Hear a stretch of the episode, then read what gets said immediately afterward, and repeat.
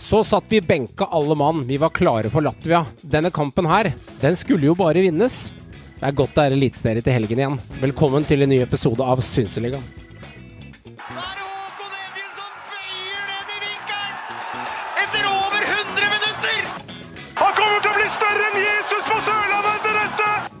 Det er faen meg Folk pisser eller folk er likegyldige. Det er det verste som skjer med en fotballklubb. Det er faen meg undergangen, det. Og det er han som omtrent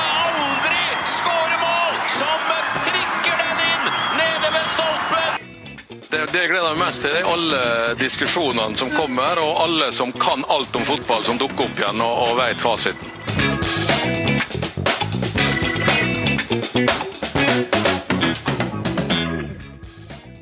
Da er vi samla, da, alle fire. Og i dag har vi til og med fått med oss en eh, ekstra synsgjest inn i studio. Vi kan jo starte med å ønske deg velkommen, eh, Johan Mankwa. Velkommen skal du være til en podkast av Synseligaen. Jo, takk for det. Jeg er jo glad i å synse sjøl, så det passer bra, det. Deilig, deilig. Du, eh, jeg har hørt litt rykter fra sida at du uh, hører på Synseligaen i ny og ne. Stemmer det? Ja, det stemmer. Jeg eh, er en uh, podkastmann, så jeg hører på bl.a. Synseligaen. Jeg, jeg, kan ikke, jeg kan ikke gå god for at jeg hører på alle episodene, men jeg hører på innimellom. Så bra. Syns det, syns det er et veldig bra eh, konsept og litt sånn nede på jorden med, med folk. I motsetning til mediefolket som ikke er så selvhøytidelige. Nei, det, det er jo A-fans for fans. Det er sånn det skal være her. Så gutter, resten av uka for dere andre. Håvard, kan du starte hos deg? Hvordan har eh, The Week vært? Du har jo rett og slett eh, gleda deg. Du hadde jo kjøpt inn champagne og ballonger du til denne Latvia-kampen. Gleda meg flere uker, si. Nei, det var jo litt av et antiklimaks hvis vi skal ta den eh, kampen. Men Vi skal sikkert gå litt i dybden etterpå. Men eh, det var gøy å være på Ullevål igjen. da, Og, eh, og litt surrealistisk å sitte på en stadion med 25 000 plutselig på plass. Det var litt merkelig opplevelse etter denne tiden vi har vært i. Litt høytidelig. Men, men vi skal jo inn i dybden, regner jeg med. På kampen så kan jeg si en annen hyggelig ting, da. Ja, vi har fått oss ny hund. Ja. Så det er jo litt eh, stas, men også mye jobb med disse valpene. Så jeg har da eh, vært hjemme med min datter, som da er tre år i dag, og denne valpen. Og det er, eh, det er en heltidsjobb, for å si det mildt. Så eh, jeg har tørka mye piss og dritt eh, inne i dag. eh, Og stressa for å få denne bikkja ut i tide. Mm. Så det har eh, vært eh, en eh, slitsom dag hjemme fra jobb i dag. Fordi eh, så, så, så jeg gleder meg til å dra på jobb i morgen, egentlig. Ja. Det blir bra. Gratulerer både med dattera og bikkja. Jo, jo. Takk for det. Nei da. Men eh, barnehagen, barnehagen var stengt, skjønner du, så da måtte vi, måtte vi gjøre det på den måten.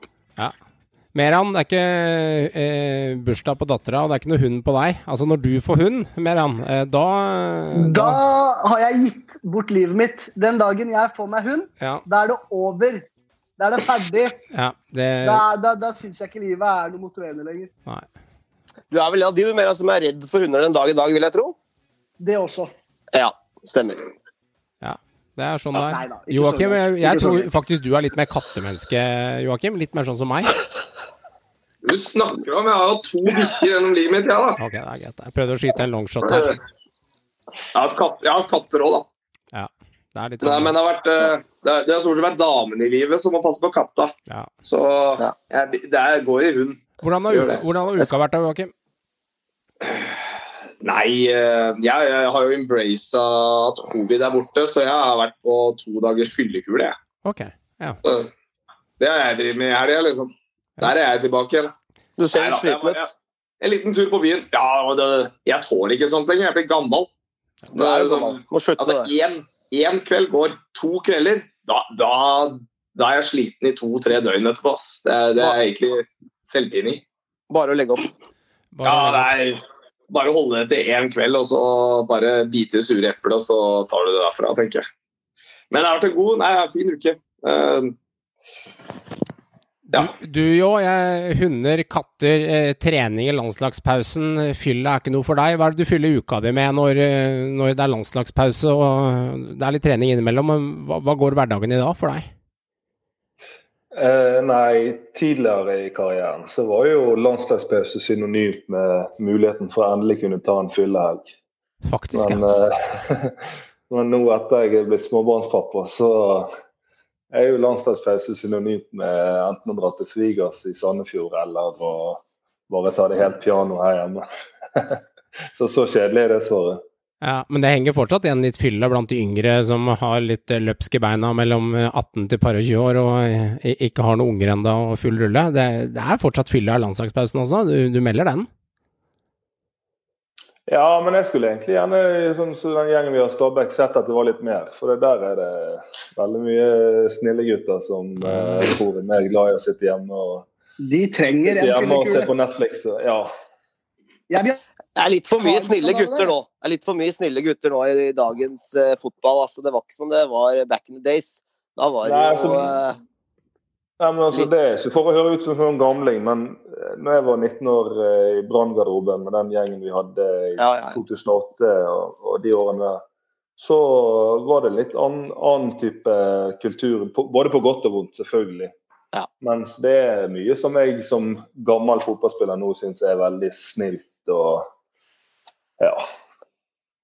Men det er jo litt med profilene vi har, og ikke for å snakke ned profilene, men det er jo færre profiler og færre karakterer. Du har jo ikke sånne Raymond Kvisvik-typer i dag. Ikke at han var så mye på fylla, men bare for å sette det i perspektiv, da, hvordan, hvordan profilene i norsk fotball var før. Og det, var, det savner jeg litt. altså merker jeg Litt sånn der, mer karakterer, da. Og, og, kanskje litt mer bajaser på fritida, for det var jo på en måte en annen kultur, som du sier. Jo, det var jo det. Og det, andre ting var på en måte mer tillatt også. Ja, altså, så, så, tror jeg noe av det har en veldig naturlig forklaring i at eh, selv om det ikke alltid ser sånn ut, så er fotballen i dag veldig mye mer krevende enn den var mm. eh, på, for eh, 12-15 år siden. Sånn at det er ikke mye utkjedelse du har råd til nå for Nei. å havne i bakleksen fordi at det fysiske kjøret i kamper og treningsuke er så intensivt at du er liksom nødt til å være skarp hele tiden. Så jeg tror det, er... det har litt med det å gjøre. Men så tror jeg det har litt med å gjøre den nye generasjonen som er vokst opp med mobiler og sosiale medier. At de er vant til å vise mer personlighet på sosiale medier enn, enn kanskje i in real life ofte. Men det er jo bare å se da, gutter, på gamle bilder fra norsk eliteserie og Premier League, ikke minst. Hvordan de så ut da. De så ut som de kom fra puben hele gjengen, i hvert fall i Premier League på 90-tallet. Ja, det gjorde, og gjorde dem òg. Den kom fra puben! Altså, det, jo, det, er jo helt sjukt å se på. Altså, når du ser liksom, særlig 90-tallet Premier League og, og, og tidlig 2000 også, det er noe for seg sjøl, altså. Da, det var helter på banen og helter på puben, hele gjengen der. Nesten. Ja, Men du hadde noen sånne klassisk venstreback på Everton, David Unsworth, som har sånn pen sleik og uh, mors beste barn. Du hadde noen sånne også? Eh, jo, men dem var nok også altså Jeg sier ikke at alle festa som var det, men altså, det er jo gøy å høre disse gamle historiene fra Premier League. Men også norsk eliteserie. Jeg tror det var en litt annen kultur enn det var der nå. Det bekrefter jo på mange måter jeg uh, også nå. Men, uh, men det er nok mye snille gutter, ja. Men som du sier, du, du må jo kanskje på en måte Du må være mye mer til stede fysisk. og det er vel mye større krav for å prestere. og Fotballen som du sier, den har jo utvikla seg ekstremt, både i Norge og, og, internasjonalt, ikke minst. Og For å henge med så må du jo være en toppidrettsutøver på alle mulige måter. Ja, ja. Altså, sånn, Ramon Kvisvik var jo en briljant fotballspiller og en utrolig entertainer. Men eh, jeg tror han hadde hatt sine utfordringer med Eliteserien i dag. Mm. Det, det, tror jeg. Det som er litt fint, da, det er jo at eh, vi supportere vil, Man legger jo liksom ikke merke til det. Fordi jeg var jo like fan av mitt, eh, mitt, lag Rosenborg i 2005 som jeg er i 2021, på en måte. Jeg legger jo ikke merke til tempoforskjellene. Det, det, blir jo litt hvert eneste år. Jeg klarer jo ikke å se det fra år til år. At du har jo ikke sjans til å følge med på det, i bunn og grunn. Men tar du et videoklipp fra 2021 og sammenligner med 1997 så skjønner jeg at det er forskjeller. Men hvis det er det lille kneppet hvert eneste år, så klarer du ikke å se den lille overgangen, jo? Eller bommer jeg der? Nei, jeg leste at Jeg husker ikke nøyaktig årstallene, men det var en helt sinnssyk statistikk som, at, som gikk på at Jeg tror det var Premier League ja, det var i Premier League i 2008, og så i 2015. Og i 2015 så var det 50% flere sprinter i løpet av en kamp enn det var i 2008. Og det er jo helt eh, Altså egentlig helt sinnssykt. Så Det sier litt om hva tempo fotballen utvikler seg i. Ja, men altså, jeg, det, det, det året Brann tok gull, da, 2007 Mm. så Jeg har jo fulgt Brann tett i, siden 93, Johan, og vi begynte å interessere oss for norsk fotball. Mm. Og, og, og jeg tenker jo bare på forskjellene. Eh, og de, de høydepunktene har jeg sett mye.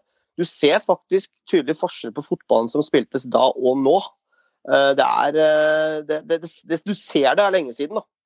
Men du Eh, merker det ikke årlig? på- på- Altså, Vi kommer ikke til å merke Nei, store forskjeller med 2021 og 2022, når- liksom. Når du ser ti år tilbake, da, Ja. eh, så vil du se det på spillet og fysikk og tempo og alt, altså, på mange måter. Eh, Det, det, det, det føler jeg Men som du sier, du merker ikke det år til år, men det er tydelig at det har skjedd mye i fotballen. Fysisk Altså, og, og tempomessig. Bare som et sånn tankeeksperiment, så kan vi prøve å se for oss hvis eh, Glimt anno 2021 skulle spilt Eliteserien 2007.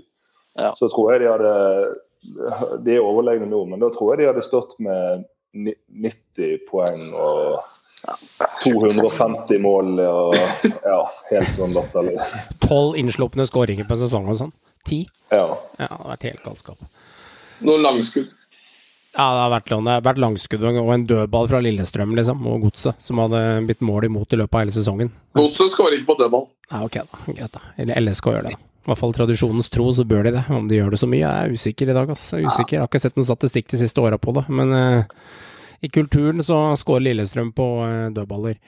I kulturen så ryker ofte dette landslaget også. Eh, rett som det er, når det absolutt skal avgjøres, så byr vi opp til fest. Kake og ballonger, som jeg elsker som uttrykk, Håvard. Også eh, når jeg setter meg foran TV-en og skal se dette her, da, med en Seigmann-pose og lakrisbåter og en li lita børn med smak på, da går det som det går, da.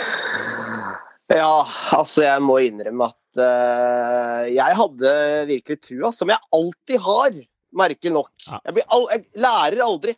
Det fins medisiner mot det jeg alltid har trua, vet du. Jeg har alltid trua på landslaget, og det har jeg hatt siden 2000, når vi var i mesterskap sist. Og det sier litt om hvor vondt det kan være å følge dette landslaget, som jeg så inderlig håper skal nå et mesterskap før jeg sitter på gamlehjemmet. Altså. altså, det er over 20 år siden sist. Og ja, eh, vi, eh, vi har jo teorien fortsatt muligheter. Det er faktisk viktig å ta med seg. Det, det er Det holder med å slå Nederland i morgen, men det i seg selv, å slå Nederland, det er jo eh, noe som kanskje er eh, Altså, det i seg selv er ekstremt vanskelig. Vi måtte i hvert fall starte med å slå Latvia hjemme, og det, det klarte vi ikke. 0-0, altså. 25 000 over det. Fullsatt Ullevål. Kjempestemning. Det var, det var elektrisk stemning. Veldig gøy å, å være på fullsatt kamp igjen, men, eh, men spillet de fikk servert altså Dessverre, de, de så redde ut. Uh, I hvert fall første gang var begredelig. Andre gang den er ganske OK. Da skaper vi faktisk mye trøbbel.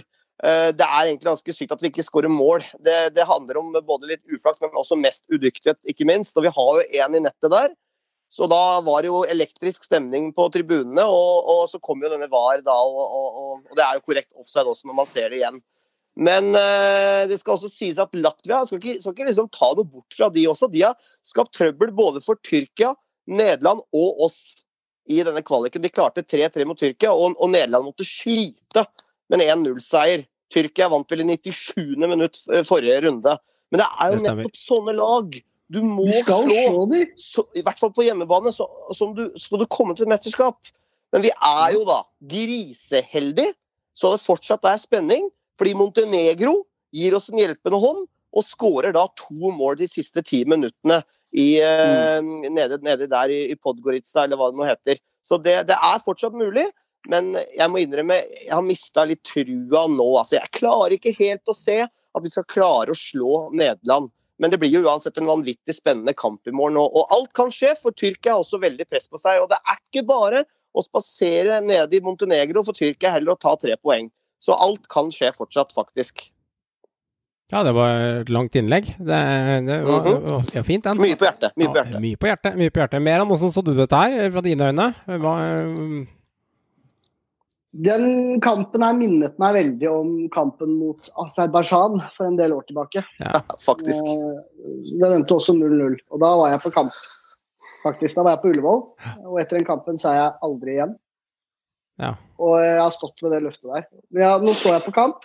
Det er faen meg drit pisse kjedelig å se på den kampen. her. Jeg, jeg følte meg Jeg var, jeg var sur etterpå. Jeg bare gikk jeg, altså. altså, måtte vi ha pause fra Eliteserien for det her, liksom? Tenkte jeg. Her er vi midt i nedrykkskamp, og så må vi se på det der. Så irritert var jeg.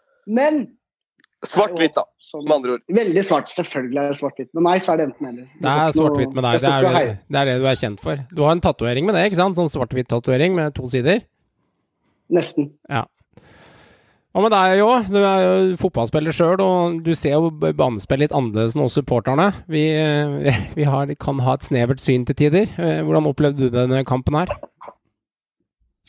Jeg syns det er så vanskelig å si noe om Norge nå i disse kampene. her, fordi at de mangler jo faktisk en av verdens aller beste spillere. Mm. Mm. Så Norge alle, alle landslag, unntatt kanskje de største, når de har en så stor stjerne som eh, Haaland er for Norge, så klarer jeg nesten ikke å felle noe dom. For jeg er overbevist om at hvis han hadde spilt i går, så hadde de vunnet. Det er kanskje feil å si, for det er jo ikke sånn at han har vært glimrende god for landslaget. Men eh, han holder et helt annet nivå enn alle andre. Og, og hvis du f.eks. tenker en lignende nasjon, f.eks. Polen uten Lewandowski, er jo heller ikke mm. Eller, eller eh, Kroatia uten Modric eller Rakitic. Så jeg syns det er under kampen i går for meg blir litt sånn ekstra stort savn etter Haaland. Så En ting er at han ikke har levert så mye, som du er inne på, men poenget er at altså, du møter Latvia. De to forsvarsspillerne der de hadde hatt sitt fokus ett sted. Fordi Han hadde løpt over hele forsvarsrekka der eh, på egen hånd, så de hadde vist at de måtte passe på ham hele tiden. Og Når du da mister det punktet, og helt ærlig, Sørloth spilte ikke en spesielt god fotballkamp. Eh, Verken det Sørloth eller King var gode. Nei, det var, det var veldig Det var ikke mye kraft foran. Og da mister du jo det altså Da kan du fokusere på alle de andre da, som prøver å få til ting som er lenger bak. eh, Og da mister du mye av brodden i angrepet. Men det var skuffende altså, jeg, jeg vet ikke, jeg er skuffa, jeg. Eh. Kjempeskuffa. Det var, en dårlig fotballkamp av Norge. De burde ha, burde ha vunnet den kampen. Og de hadde nok sjanser. eh, mer enn nok sjanser til å vinne kampen. Så det er skuffende når du er så nær, selvfølgelig. Og nå er ser det jo egentlig ganske hjelpeløst ut, selv, hjelpeløst ut, selv om mediene prøver så godt de kan å hausse opp, så er det ganske hjelpeløst nå med Tyrkia sin siste kamp og vi borte i Nederland. Det, ja, playoff, da er vi heldige hvis man klarer å komme seg til playoff. Du får ikke noe gratis lunsj i Rotterdam, altså. Det kan jeg si deg. Nei! Det, det, det verste er vet du, det, det kan kanskje til og med være på en eller annen merkelig måte negativt at Nederland ikke slo Montenegro. Fordi de har fortsatt press på seg. Eh, hvis de skulle på en måte gått all in for andreplassen, da, eh, så kunne Nederland kanskje allerede vært klare. da. Og så kunne de kanskje sluppet seg litt, litt ned, og så kunne vi kanskje tatt det, det poenget da, eller, eller den seieren. Muligens, hvis man skal se sånn på det. At det Ja. kanskje til og med hadde vært bra at Nederland eh, tapt, altså vant i, mot Montenegro. Og så måtte vi eh, kjempe mot, med Tyrkia om, eh, om eh, den playoffen. Men Tyrkia er jo foran oss på uh, mål nå også, på uh, målforskjell. De er ett mål foran, for de vant jo 6-0 mot Gibraltar, så de er forbi oss med ett plussmål. Så, så dette her blir jo spenning, spenning Men nå leiter du veldig i, eh, ja, ja, i høystakken her, altså. i Ja. Ja, men altså, det er jo helt naturlig når, det, når det alt kan avgjøres på siste runde, for det er det faktisk. Uh, vi kan til og med vi gå videre til playoff med tap, hvis eh, da Montenegro slår Tyrkia. Så, og, og det er ikke bare å spasere og slå det laget der. Det fikk Nederland erfare nå. Altså, Latvia er jo som eh, eliteseriens Haugesund for topplaga. Er, du veit jo aldri hva du møter. Du kan jo gå ryke 3-1, og du kan spille 2-2. og Ja, sånn Montenegro har vel nesten vært heller det, vil jeg si. Ja. For dem har jo i hvert fall yppa litt mer. Vanskelig. Men ja, liksom. det er et halmstrå. Eh, Det, sannsynligvis ender vi på den sure tredjeplassen, og så taper vi en sånn type 2-1 eller 2-0 eller noe sånt i morgen. Og så vinner Tyrkia 1-0, og så er vi på den sure tredjeplassen. Men det er jo i hvert fall et håp, og den kampen den skal benkes ned og se på. Det er ikke noe tvil om. Og så får vi heller si at det endte som det alltid gjør etter kampen. Men jeg har jo et lite eh, håp. Jeg føler Norge helt siden 2000 sist eh, mesterskap, og hele mi, mine tenår og til voksen alder, så er det nesten i alle kvaliker så er de skikkelig sånn luremus. Altså at de, Du får håp, og så holder de livet gående jævla lenge.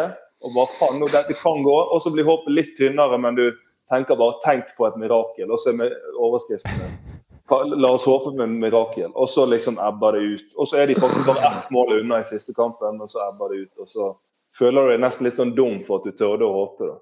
Det er akkurat sånn det er! Det er, det er en ordentlig luremus, det der. Altså. Det er Sånn det er- sånn skal være, da. Det er god beskrivelse, det der. Altså. Men eh, det er jo stort sett menn, da, altså uten å stigmatisere kvinner, som ser på norske landslag. I hvert fall jeg tipper kanskje F85 norske menn eh, og 15% kvinner som ser på dette her. Og det er et fint uttrykk, det med luremus, for det treffer jo også mannfolka midt i, midt i hjertet som regel. Vi veit jo åssen menn er når de merker at det er muligheter til at det, her kan det bli noen resultater. Da, da løper de i buksa seg, og derfor fyller de eh, 27 000 på, mot Latvia på hjemmebane, selv om resultatet er begredelig.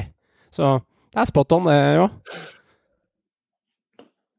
Men jeg må innrømme også, du er inne på det jo, med, med Haaland. Det er jo ekstremt bittert å tenke på at vi kunne hatt en av verdens beste spisser klare til disse kampene, som er så avgjørende.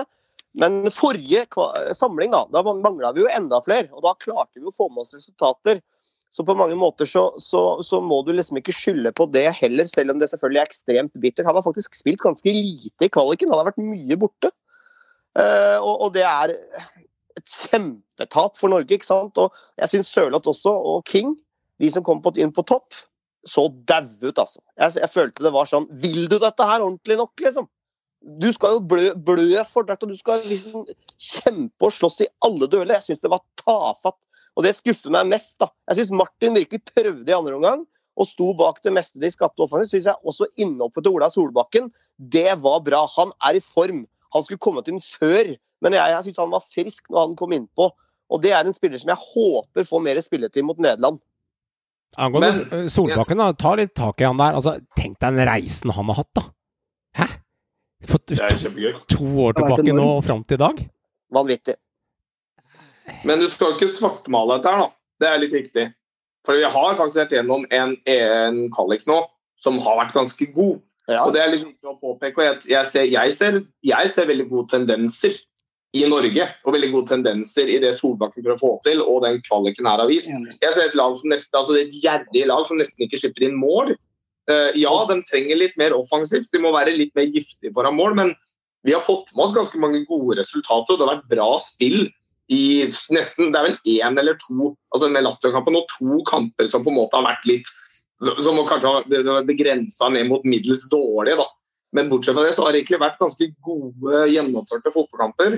Så altså jeg, jeg syns ikke det er helt svart der. Det er ikke den letteste gruppa vi kunne fått. Vi fikk ikke en Danmark-gruppe. Det er ikke en el- vanskelig gruppe sånn sett for å komme til. Skal du komme til VM, må du gjennom noe sånt. Men jeg syns at de har vist veldig mye bra, og det lover godt. da. Som, men dette er det vi alltid faller på. Det lover godt da, til neste kvalik, til neste EM-kvalik, så lover det godt. ikke sant? Du faller dit igjen, da. Men nå gjør det faktisk det for meg. da. Jeg, jeg ser veldig forbedring i denne kvaliken kontra hva vi har fått i de siste ja, 10-12-15-20 åra. Så syns jeg det nå begynner å ligne noe. Eh, Så det er bra. Det skal de få. Ja, jeg synes, eh, altså jeg bare tenker at eh, I forhold til det du sier med Solbakken, så syns jeg at han er den beste landslagstreneren vi kunne hatt. Og alle eventuelle begrensninger og, og mesterskap ikke vil kvalle til. Jeg føler at da stopper det før, før hos spiller, spillerne enn hos, det gjør hos treneren. Og det er en veldig god posisjon, syns jeg, for oss å være i nå. Det som også er ekstremt bra med det landslaget, her, at de, de, de beste spillerne uh, Hvis du kanskje tar bort Strandberg, som har vært veldig solid i kvaliken nå, de er veldig unge. De er i starten av 20-åra. Nesten hele gjengen. Så det er en, en tropp, en gruppe, som, som er sannsynligvis kommer kanskje til å bli enda bedre. eh, veldig trolig. Og denne gruppa her, med så mange unge, talentfulle spillere som spiller i bra klubber i bra ligaer, det er i lenge siden vi har hatt en så god tropp på det norske landslaget. For det er spillere som spiller fast i ganske bra klubber, og vi har en verdensstjerne i Haaland. Det har vel Norge knapt hatt før. Eh, Det, altså det må kanskje tilbake til 90-tallet, da, når vi hadde den, men det var jo på en måte en litt annen tid også. Men, men det landslaget vi har nå, det er absolutt noe å bygge på. Og Ståle, han, jeg digger Ståle. Jeg syns han har kommet inn på en fabelaktig måte. Og som du sier, Joakim, vi har gjort en OK kvalik. Det er ikke bare å, å slå ut Nederland og Tyrkia. Det er lag som vanligvis er i mesterskap, begge to.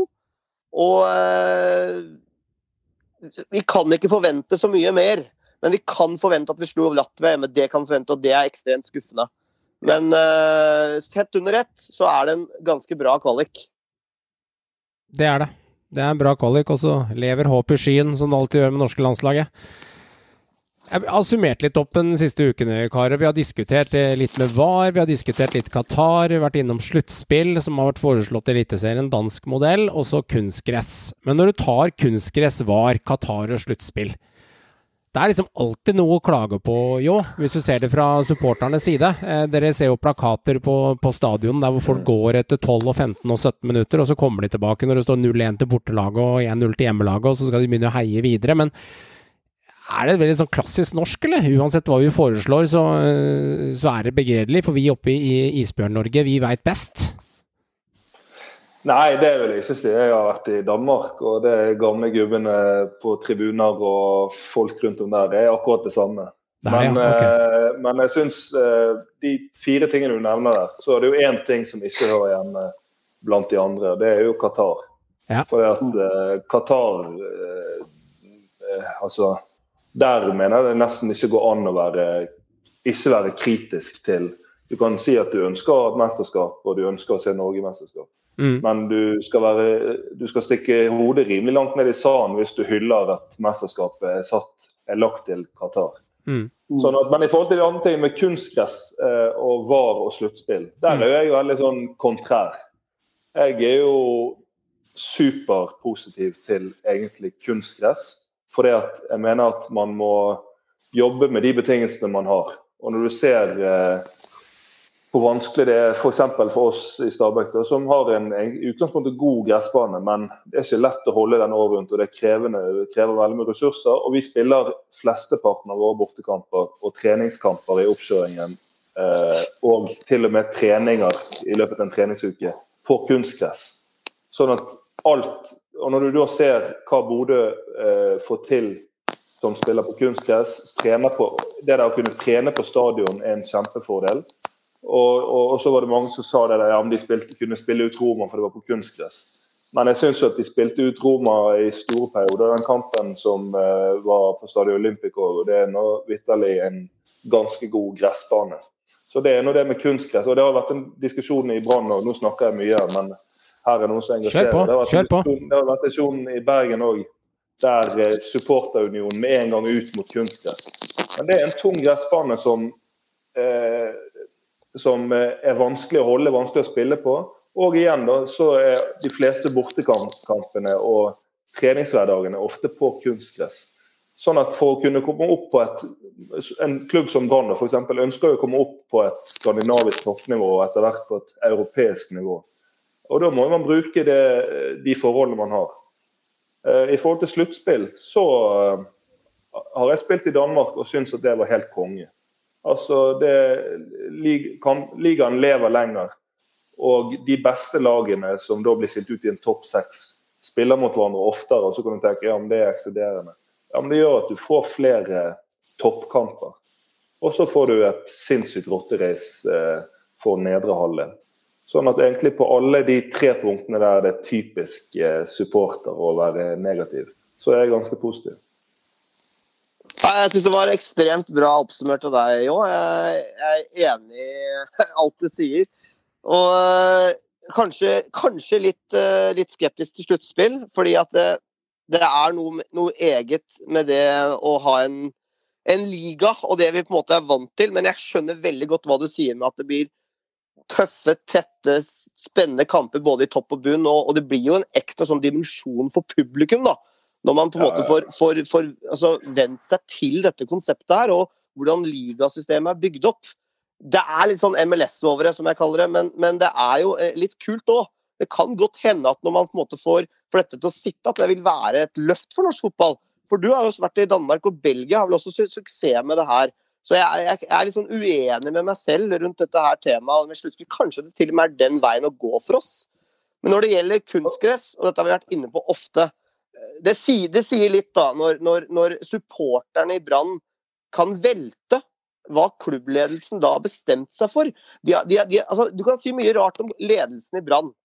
Det er ikke noe tvil om. Men, men her de, er jo valgt av en grunn. De sitter med en kompetanse for å ta klubben videre. Og treningsforholdene er elendige. Eh, matta på Brann det er bare å se. Det var jo komikveld mot Viking. Og den matta er ikke bra nå. De har brukt mange hundre tusen opp å fikse på den, den stadion nå for å gjøre den klar til en våt og kald høst. Og altså, hvorfor er kunstgress så negativt? Se på Molde, se på Glimt. Hvordan fotball de også spiller. Altså, Jeg skjønner ikke hvorfor vi skal være så ufattelig negative til kunstgress. Når det på en måte er den eneste veien å gå, når det er eh, klimatiske forhold som gjør det ekstremt vanskelig å spille god fotball på en dårlig gressmatte. Så jeg, jeg skjønner ikke hvorfor Fotball-Norge og supporterne er så ekstremt negative til det. Det er ikke jeg, i hvert fall. Nei, det er litt underlig hele greiene. For nesten uansett hvor du slår opp blant supportere på nett, da, eller skrur på TV-en, så, så, er de jo veldig imot det her. Men vi fire i Synseligaen er jo veldig enig eh, her. Og har, ingen av dere har jeg fått inntrykk av er veldig imot kunstgress eh, og, og sluttspill, er litt bob-bob, da, og eh, at VAR skal komme. Så eh, enten så er vi fire noen virkelig raringer som eh, er faktisk enige med klubbene, eller så er det et eller annet vi ikke har skjønt her. Fordi eh, de klarer ikke å selge inn dette budskapet til meg heller. Med både Nei, men Alt skjer jo for en grunn. Alt skjer jo for en grunn. Klubbene gjør jo ikke dette for, på mofo. Altså det med VAR, da, det var jo enstemmig utenom én klubb. Og Det er jo en årsak til det. De, de er lei av dommerkontroverser, og det skal styre rundene hver eneste ja, ja. runde. Det, det, skjønner jeg. Og på et eller annet tidspunkt så må, måtte VAR inn før eller siden. Så det er like greit å bare ta det nå med en gang fra 2023, da. Og den kunstgress... Liksom. Enig med deg. Og den kunstgressdelen også, som jeg følger jo tett Rosenborg, og jeg ser jo til stadighet, da, uten at det er noe forkleinelse eller unnskyldning for RBK, men i en siste tre-fire årene så er jo dette med kunstgress versus Lerkendal vært diskutert veldig innad hele tiden. At uh, de må legge om når de spiller på bortebane. De må bruke andre spillere pga. at det går fortere. Uh, det går litt treigere på Lerkendal. De spiller på en litt annen måte. Jeg syns det er litt feil, da, eh, for Rosenborg sin del, faktisk, at eh, de må Enten nå mangler de kvalitet i laget til å være, være skikkelig rådig på et par-tre siste åra, det, det, er vi enige om. Men det er tross alt sånn at når du må begynne å legge om så mye og tilpasse andre lag så mye. Det går litt på kvalitet, så går det litt på matta. Jeg, jeg syns det blir litt ille at de må gjøre det. Det blir for mye snakk om det til gangs.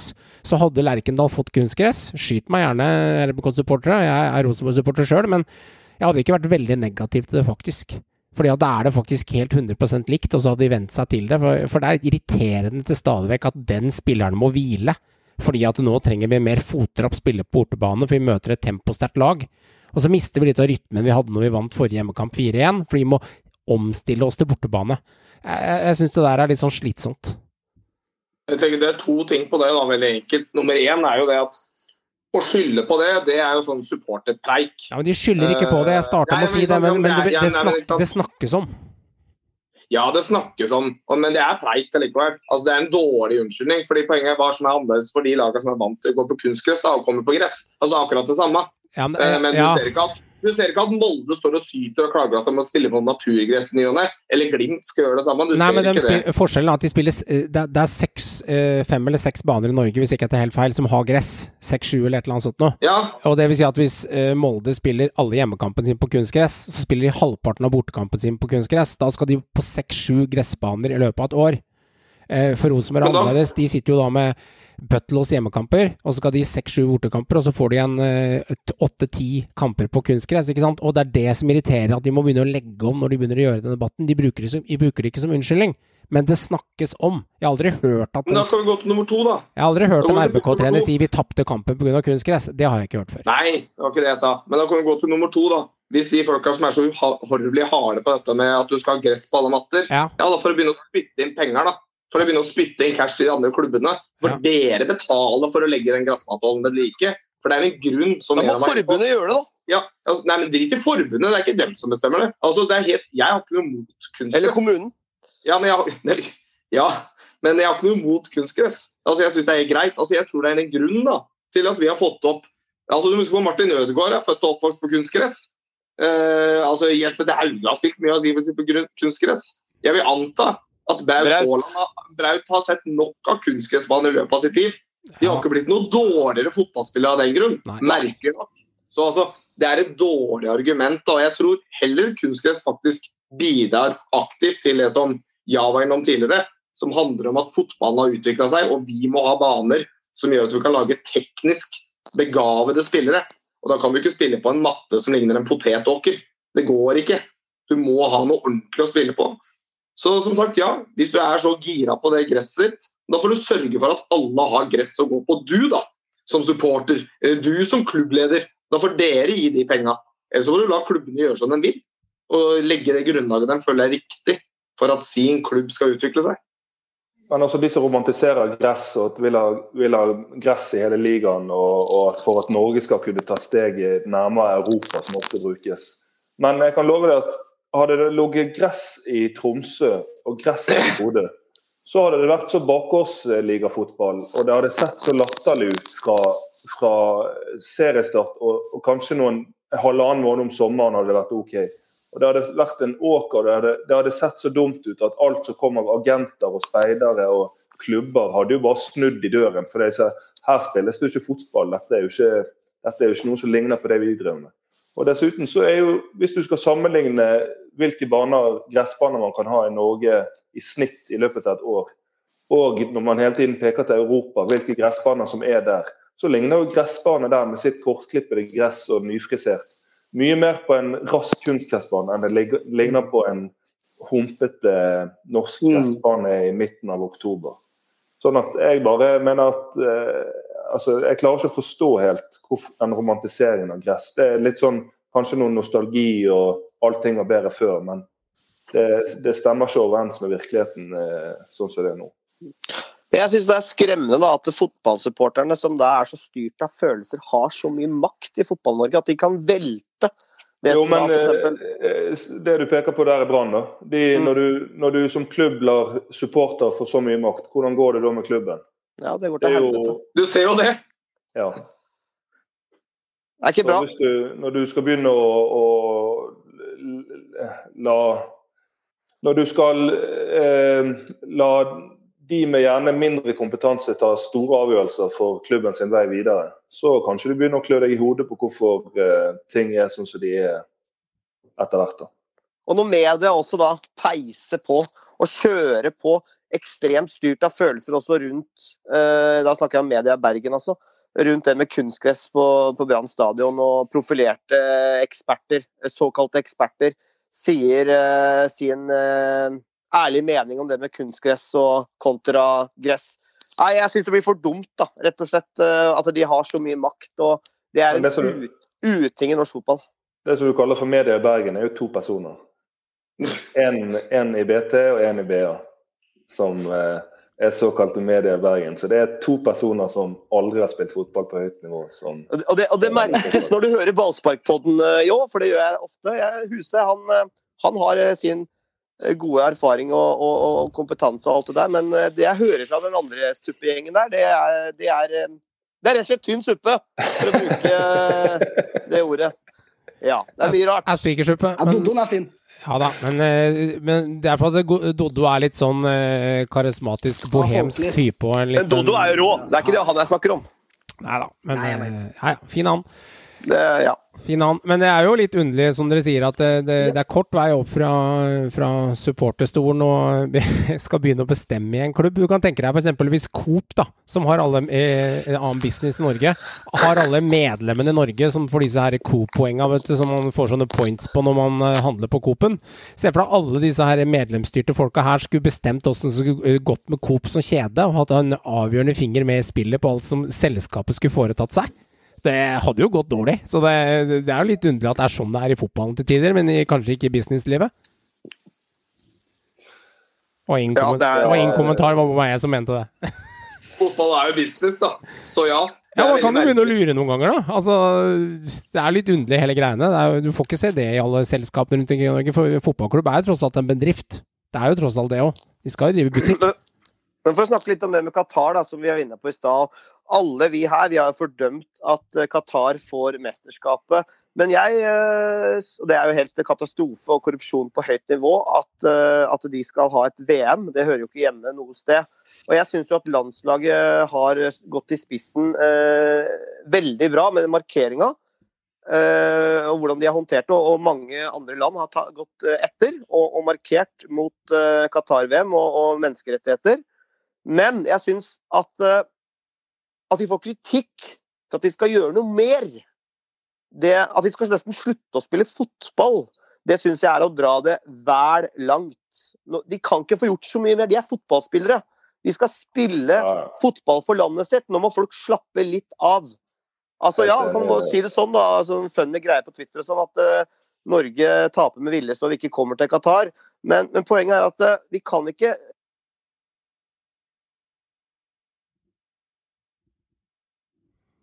Litt borte. Én. Altså, det kan jo ikke bli sånn at um, når, når dette er stemt ned på et fotballting, at vi ikke uh, skal, altså vi skal være med i Qatar-VM, så, så syns jeg på en måte at uh, spillerne må få lov til å være spillere. Dette er idrett de driver med. De er ikke politikere. De er tatt ut på landslaget for å spille fotball. Og markeringa som Norge har gjort i forbindelse med, med, med Qatar-VM, det har hele verden sett etter og, og gjort uh, etter oss. Vi var i første landet som begynte å markere mot uh, det som skjer i Qatar. Og, og da kan de ikke gjøre så mye mer. Jeg syns det blir utrolig uh, feil å gi de kritikk for at man da skal gjøre noe, noe mer. Altså, dette er tross alt idrett, og det kan ikke bli for mye politikk i det her. Det syns jeg er merkelig da at Norsk supporterallianse og flere gir de da type kritikk for at de skal gjøre enda mer. da. Uh, dette her uh, Hva mer skal du gjøre, liksom? Skal du nekte å spille? Jeg er helt enig i det. Altså, jeg var tidlig ble spurt om det med Qatar før uh, Norge hadde gjort denne markeringen og andre land hadde meldt seg på. Og Da var det mer i forhold til NFF at de, de kunne være tydeligere på hvor de sto i, i dette. her. Men uh, dette er jo spillere som har jobbet hele livet for å kunne komme til et mesterskap og representere Norge. Og det å skulle eh, kritisere de for å, for å endelig ha muligheten til å oppfylle sin store guttedrøm, det blir uh, helt feil. Og så er det jo sånn, kan, Vi skal tenke litt historisk. Da hadde jo Jesse Owens aldri dratt til Berlin og konkurrert foran Hitler, og så markert der. Og det er jo Qatar er jo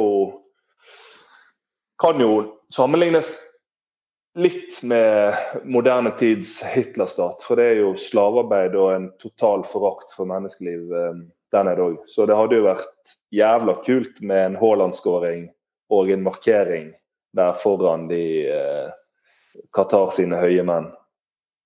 Og da handler det litt om igjen, da, som er hele poenget igjen, det med følelser. ikke sant? Hvorfor du ikke skal la folk som har sterke følelser om å nødvendigvis styre noe.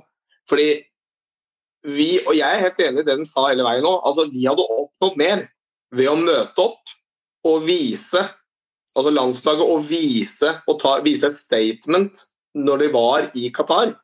Fordi De kan ikke gjøre noe med landslaget som er der, de må jo behandles som prinser uansett, alle som kommer dit.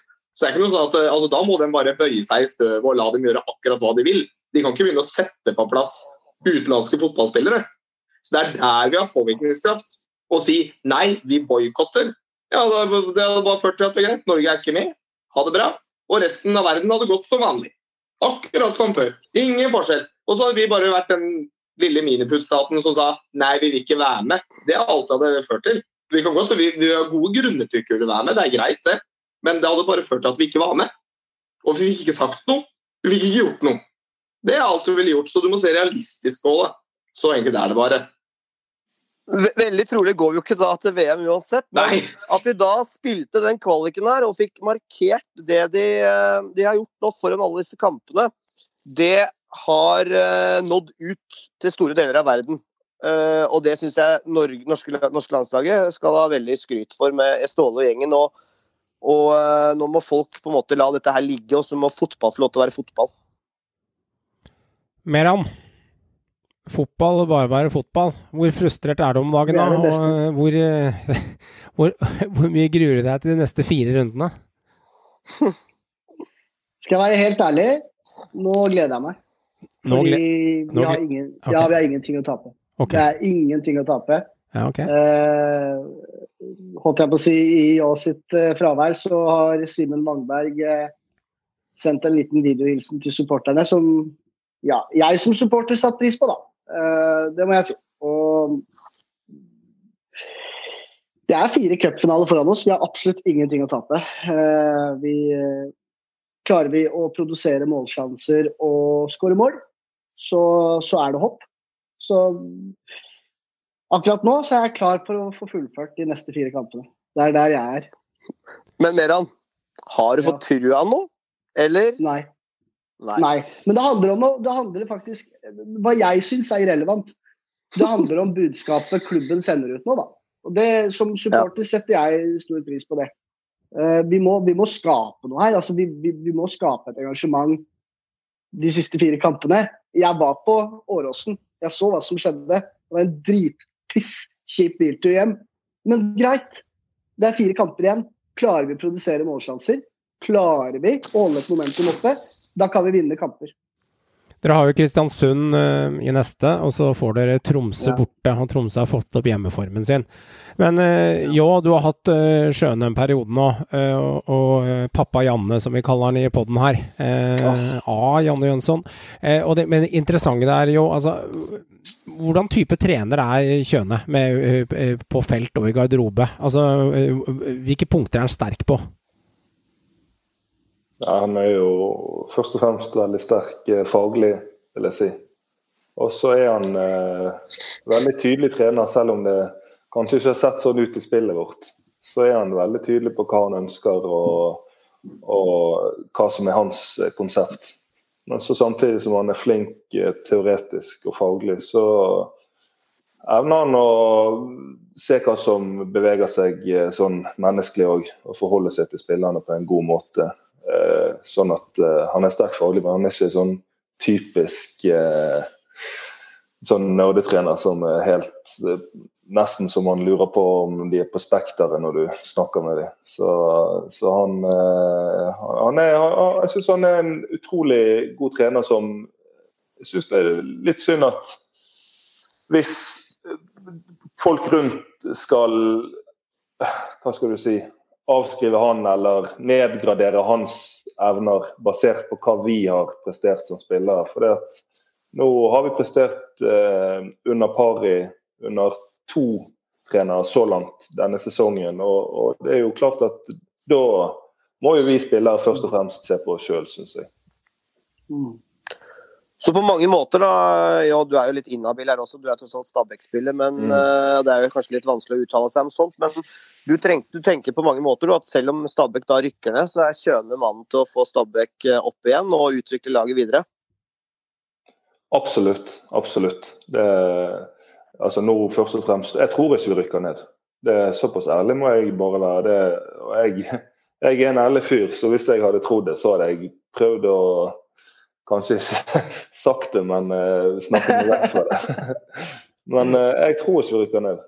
Jeg tror at, uh, sånn som Meran litt inne på, at uh, på en eller annen måte så føler jeg at vi er de som har minst å tape. Selv om Mjøndalen tradisjonelt sett kanskje er mindre klubb. Så likevel så føler jeg at vi er de som har minst å tape. og Vi har blitt avskrevet så, så mange ganger denne sesongen. Og det er naturlig etter å ha spilt mange dårlige kamper. Og hvis vi da får den kvalikkampen så er det en så stor opptur for oss at vi kommer inn i den kvaliken med en vanvittig positivt momentum. Mm. Mens hvis Brann får den, så er det høye skuldre og dommedagsprofetier ut av en annen verden, f.eks. Så jeg eh, Nå glemte jeg litt spørsmålet, skal jeg være helt ærlig. Nei, det, det, nei, det går bra, det. Altså, ja. Sånn er det. Jeg liker at du prater, og når du glemmer spørsmålet du har blitt stilt, så snakker du ofte rett fra hjertet, så det er bare fint, det. Hvordan er følelsen din rundt eh, Brann, og at de eh, da, eh, som du tenker nå Du har jo sagt at du Stabæk holder deg, da betyr det da at Brann rykker ned. Hvordan er følelsene da som eks-Brann-spiller og bergenser at Brann går ned til Obos? Jeg har litt sånn eh, spesielt forhold til Brann. For jeg er, det er på en måte der jeg fikk min fotballoppvekst. Og jeg hadde Kjetil Knutsen som spillerutvikler der, som hjalp meg å ta store steg som spiller. For jeg var ganske uskolert når jeg kom fra Fana. og Jeg føler på den måten at jeg skylder Brann veld, veldig mye. Og, og, jeg har jo fortsatt kontakt med folk der. Og, og, publikum og stadion det er en så fantastisk ramme for å, å bygge en, en altså en skikkelig stormakt. Men så er jo jeg ærlig når jeg blir spurt om det i media eller på privaten, om at jeg syns at de håndterer de ressursene de har på en helt katastrofalt dårlig måte. Og at eh, For å stille litt i Hva skal du si For å stille litt i perspektiv, da. Så hvis Glimt hadde prestert ut ifra kroner og øre, sånn som Brann gjør, så hadde vel Glimt strengt tatt ligget i fjerdedivisjon. Sånn at jeg syns, jeg syns at de eh, Brann er en av de klubbene i Skandinavia som får minst uh, ut av ressursene sine. og Det syns jeg er veldig synd som bergenser. Men uh, om de nå rykker ned, så er jo det, er ikke noe som jeg føler noe sånn på. For det er en naturlig konsekvens da, av sikkert veldig mange ting. Men det skal egentlig ikke være mulig for en klubb som Brann å ligge der det ligger. Det, synes, det må jeg være ærlig på å si at jeg ikke syns. Men bare for å gå litt sånn i dybden, hva, hva mm. tror du liksom Si, si noen, noen, grunner. Mm. Du, du, har vært i klubben, du, du er bergenser, du kjenner ja. mange der, sier du også. Du har sikkert ja. kompiser i laget for den saks skyld. Hva ja. tror du er grunnen til at det går såpass til helvete som det har gjort nå? Jo, det kan, det kan jeg si. Det som jeg tror er grunnen, er at eh, de største avgjørelsene blir plassert hos de med minst kompetanse. Altså, jeg kjenner ikke til eh, f.eks. styreformann, men man får jo et inntrykk gjennom intervjuer og media. Og jeg er sikker på at han er en drivende dyktig forretningsmann. Men hvilken kompetanse er det han som øverste beslutningstaker i Brann har for å styre en av Skandinavias største klubber i riktig retning? Hva er, hva er fotballkompetansen? Hva er den faglige kompetansen han har for å kunne, for å kunne gjøre det? Og så, som vi var inne på tidligere, så syns jeg at Brann blir for påvirket av omgivelsene. Og da folkene i byen, supporter og disse to i lokalavisene. Og da er du inne på et gjelder dårlig spor som, som ikke har vært frukter egentlig noensinne. Og så er det sånn paradoks i, i en fotballklubb. Ja, men klubben er jo til for folket. Og det er jeg helt enig i. Men jeg mener det at folket, eller fans, eller hva du skal kalle det, vet veldig ofte ikke helt hva de vil. Fordi at de har ikke den spesifikke fotballkompetansen. De vet bare at de vil se god fotball og, og ha en klubb med gode verdier som de kan være stolte av. Mens eh, jeg er sikker på at det for, eksempel, for å bruke Glimt som eksempel, så er det mange der som ikke visste hva som bevegde seg, før de plutselig begynte å spille fantastisk fotball, og, og alle kunne være stolt over å kunne komme på stadion og se seriegull og europakamper og hva det ikke skulle være. Eh, sånn at eh, Da føler jeg at i Brann og i flere andre norske klubber Hvis du ser for deg en pyramide der spillere og trenere er nederst i pyramiden Selv om det er de som har holdt på med fotball siden de var fire-fem-seks år og er profesjonelle utøvere innenfor dette, så har du en sportslig leder som kan være flink, kan være av ymse kvalitet. Det kommer jo an fra klubb til klubb. Og så har du et styre som veldig ofte er frivillige. Mm. Eh, som er frivillige forretningsfolk fra lokalbyen. Som da sitter med en eh, enda større beslutningsmakt. Og så har du en styreformann som er leder for styret, som sitter med den største beslutningsmakten i forhold til ansettelser og avganger og dette her. Sånn at du har på en måte en pyramide der kompetansen er egentlig samlet i bånn, men beslutningskraften er samlet øverst der kompetansen er minst. Og da, da blir det veldig mye merkelige greier. Det som er interessant med det òg, er jo at det er jo ikke noe sånn erketypisk for Brann. Og det syns jeg er litt interessant. for hvis du ser på, altså er, jeg tenker Dette er ikke sikkert et gjennomgående problem. For du har jo klubber som Viking, som Vålerenga, som er i på en måte mye av de samme posisjonene. Kommer fra svære, ressurssterke byer i Norge. Hvor alt ligger egentlig til rette da, for at dette er klubber som skal ligge i toppen av ligaen. Som skal slåss om medaljer nesten hvert år. For er, de har så mye ressurser å ta, kontra da ja, klubber som Glimt da, eller Kristiansund, ikke sant? Eller Molde, for den saks skyld. Vi må, vi ta med Rosenborg òg, vel, Joakim? jo, jo, jo, jo men, ja, men, det, men, Rosenborg har jo vært, altså, de har levert stabilt over god tid. Uh, det er ingen av de andre klubbene fra de norske storbyene i Norge som har levert stabilt godt over lang tid. Og Da tenker jeg at da bør man kanskje gå litt se sånn som jeg er inne på her, altså se på rett og slett organisasjonen i klubbene. Altså Tåler den organisasjonen, når du får såpass mye press for deg ved å være en klubb som så mange mennesker føler tilhørighet til, en så stor by, kanskje du da faktisk må tenke litt annerledes. Da kan du kanskje ikke drive sånn som Mjøndalen driver driften sin, og Kristiansund og Glimt, eh, hvor det er litt mer sånn breddetanke. altså liksom Alle skal med og bygge fra bånn. Litt sånn eh, lokallagfølelse. Du kan kanskje ikke det, fordi at kravene som stilles er så mye høyere at jeg tror kravene alltid overgår det de klarer å prestere. Og det er klart Hvis du alltid, får høyere krav enn du klarer å prestere, da havner du fort i en negativ spiral og går nedover. Og det jeg tror kanskje dette er gjennomgående for eh, ja, i hvert fall de tre klubbene jeg har nevnt nå, da, som er i noe av den samme posisjonen, selv om de ikke ligger like langt nede akkurat nå som Brann. Jeg syns eh, faktisk Kåre Ingebrigtsen sa noe litt vittig når han ga et intervju nå, når han ble, tok over som eh, Åsane sportssjef. Eh, han er jo bitter på Brann. Eh, sportslig sett så gikk det jo dårlig, men jeg syns kommentaren hans sa at eh, jeg er blitt avsatt av en, en rørlegger og en gravemaskinfører. Og det var ref da Birger Grevstad jr. og Ivar Koteng. Så kan vi la den ligge med det. For at uh, det er jo litt uh, sant, da. Faktisk. Uh, for det er jo ikke mye fotballkompetanse med disse toppene i, i klubbene som du er inne på. Jo, og det er jo bemerkelsesverdig i seg sjøl at mange av styrene rundt i klubbene Altså det er senterledere fra Gullskogen kjøpesenter, Joakim, som sitter i godsledelsen, liksom. Så det er, det er mye rart, altså. Men så bare for å understreke, da, så er det Altså, jeg tror dette både Koteng og Grevstad er i sine domener drivende dyktige, og de har klart å bygge seg opp. Sånn det er jo til, altså, til min store beundring.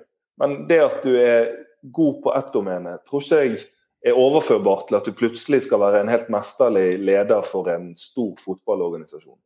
Sånn at Det er noe som jeg tror kommer for gammelt av. Men det er jo ikke bare i Norge. altså du, Mike Ashley er god å selge sportsutstyr. Men han er faen ikke noen god eh, klubbdirektør. Og så ser du på de største klubbene med suksess, hvor, hvor mye kompetanse de har i, hos sine øverste beslutningstakere. Og så blir det ganske forståelig hvorfor eh, klubber og lag presterer sånn som de gjør, når du ser det på den måten.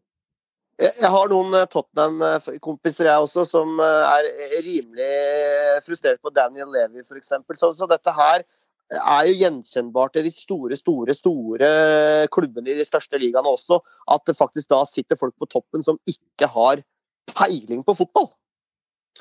Og da vil jeg også skyte inn at det kan være litt spennende å se på nesten hele den sportslige ledelsen i en klubb som Bayern München, som så å si nesten kun består av tidligere fotballspillere. Som har hatt tilhold i Bayern, som har spilt for klubben. Altså Laget er bygd opp hele veien opp med legender. Og Der tror jeg det har noe å si med å få den der kontinuiteten og være gode over tid, da, for de veit hva de driver med.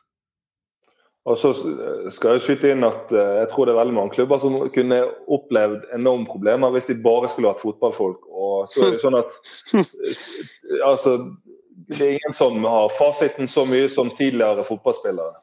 Så det er noen utfordringer der òg. Men, men, når jeg sier fagfolk, så altså eh, Klubbdrift er jo noe som nå går an å utdanne seg i. Det er jo et eget fag på flere studiesteder. Altså det er, og det er jo et eget fag. For du, du, kan ikke drive en klubb som en vanlig bedrift. For du har eh, helt andre interessenter som trekker i alle retninger. Sånn at det å drive en klubb i 2021, det er et eget fag. Og, da, og det er, gjelder krevende, men, men det, det, altså da må man få de som har den kompetansen, inn i de avgjørende rollene. Og Som regel så er det styret som består. Treneren må gå. Styret får sitte eh, så lenge de nesten vil sjæl. Noen ganger virker det som, syns jeg. Så det er, eh, det er pussig. Det er pussig. Det er noen trenere som også ja, har meldt sin Hornland har jo sagt at han ikke er interessert fra første til første. Eh, Rosenborg er jo på jakt etter trener. Knutsen linkes til England og andre klubber i Europa, og til og med til Lerkendal. Og det stilles også en god del spørsmål rundt Kjønes Du lever i troen ennå, ja? Ja, altså, nå er jeg ikke opptatt av hva jeg mener, nå er opptatt av hva jeg leser i media. Og Kjøne eh, snakkes det litt om i Stabæk. Vi kan jo starte hos deg, Meran, og starte med sistnevnte. Ja. Nei, altså jeg det har jo vært en del prat, da. Jeg føler supporterne, hvis vi tar litt forum, så er supporterne todelt. Mm. Halvparten er ganske enig i det Yao sa i stad, eh, mens andre halvparten er eh, ja, tenker kanskje litt annerledes, da. Jeg eh, personlig er eh, føler ikke at det er der problemet er nå. Eh, Jeg føler at problemet eh, sitter eh, på et par andre steder enn akkurat treneren. eh, Og at det er treneren som må gå i Stabæk. Det er, eh, det er en del andre ting som jobbes med, og det kommer vi sikkert tilbake til på et senere tidspunkt. Men eh, akkurat nå tenker jeg det samme som Ljå var inne på i stad. La oss se hva La oss si hva Kjøne what is made of. La han få en pre- preseason. La han få muligheten til å eventuelt spille oss opp, eller eventuelt vise hva han er god for i Eliteserien neste sesong, eh, hvis vi holder plassen. Eh, personlig så Dere kjenner meg, jeg er svart-hvitt. Jeg ser på veldig mye som er dårlig og bra i Stabæk. Trenerteam er ikke en prioritering for meg akkurat nå. Kanskje en uh, assistenttrener, for Wiggen er jo ute året. Uh, så, så der vil jeg se det skje noe. Men uh, trenerteam for meg er ikke verken en prioritering eller et tema akkurat nå. For å ta min egen klubb, da. Hornland har jo da på mange måter Noen syns det er litt merkelig at han allerede har sagt noe. og Folk trodde på en måte at det kanskje var et sånt forhandlingsutspill om at han eh, Nei, jeg har kontrakt som assistenttrener eh, ut neste sesong, og jeg forholder meg til det. Men, men nå har han jo liksom sagt det ganske tydelig og klart. Jeg ønsker ikke å være hovedtrener for Brann neste sesong.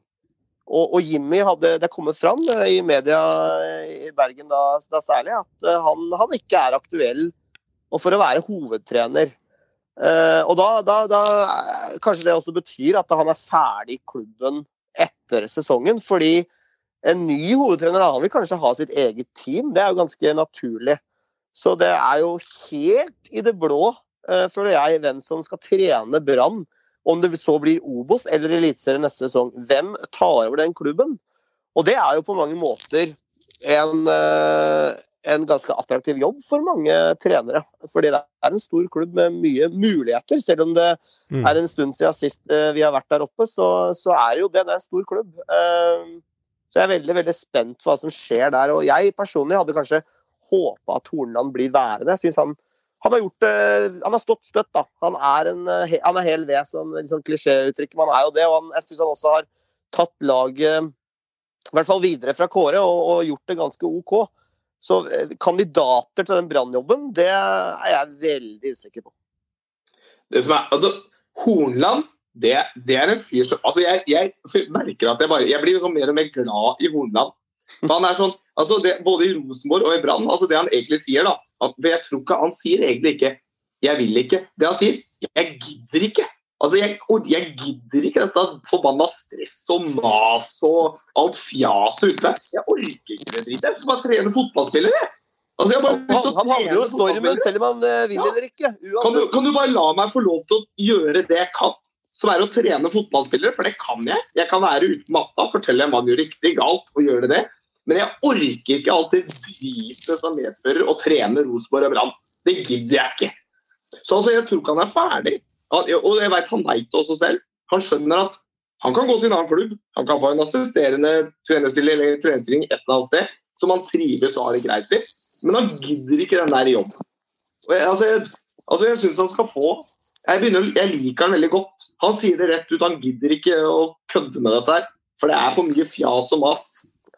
Han sier jo ikke rett ut, men, Nei, det men ligger er mellom, han ligger jo mellom linjene, kanskje, at dette her eh, Han ønsker kanskje ikke å stå i stormen, selv om han Nei. står fjellstøtt. At han ønsker å kanskje tre tilbake og på en måte være i en litt sånn perifer rolle på feltet. Og, og ikke være han som står fjellstøtt i stormen eller, eh, eller eh, blir kasta under bussen av media. og eh, Nei, altså, Jeg er veldig veldig spent på hvem kandidater som skal eventuelt ta over Brann. fordi Det har ikke vært snakk om så mange andre heller, egentlig. Det har vært snakk om litt Eirik Bakke, men det tviler jeg vel egentlig på.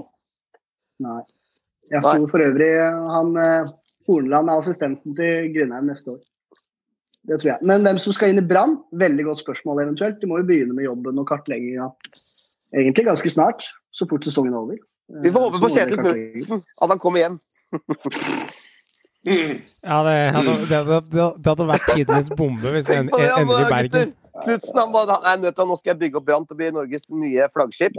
Jeg skal hjem til. Bergen til kone og unger og Bergen by og bygge opp Brann til å bli Norges nye flaggskip. Det hadde vært sjukt, det, gutter. Da... Men jeg eh, må skyte inn at jeg tror, eh, hvis jeg skulle kommet med et kastet inn et navn, så tror jeg faktisk at man ikke skal undervurdere den jobben som Erik Bakke kunne gjort i Brann. For det at eh, han det er jo, Den jobben er jævla krevende. Og han er, han er steiner i forhold til de tingene. Han hadde kommet inn der og sagt sånn som dette skal det være. Og hvis det, du har en annen mening enn det, om det kommer noe fra avisen eller om det kommer noen som driver maser, så har de bare fått beskjed om å holde kjeft og så pakke sakene sine.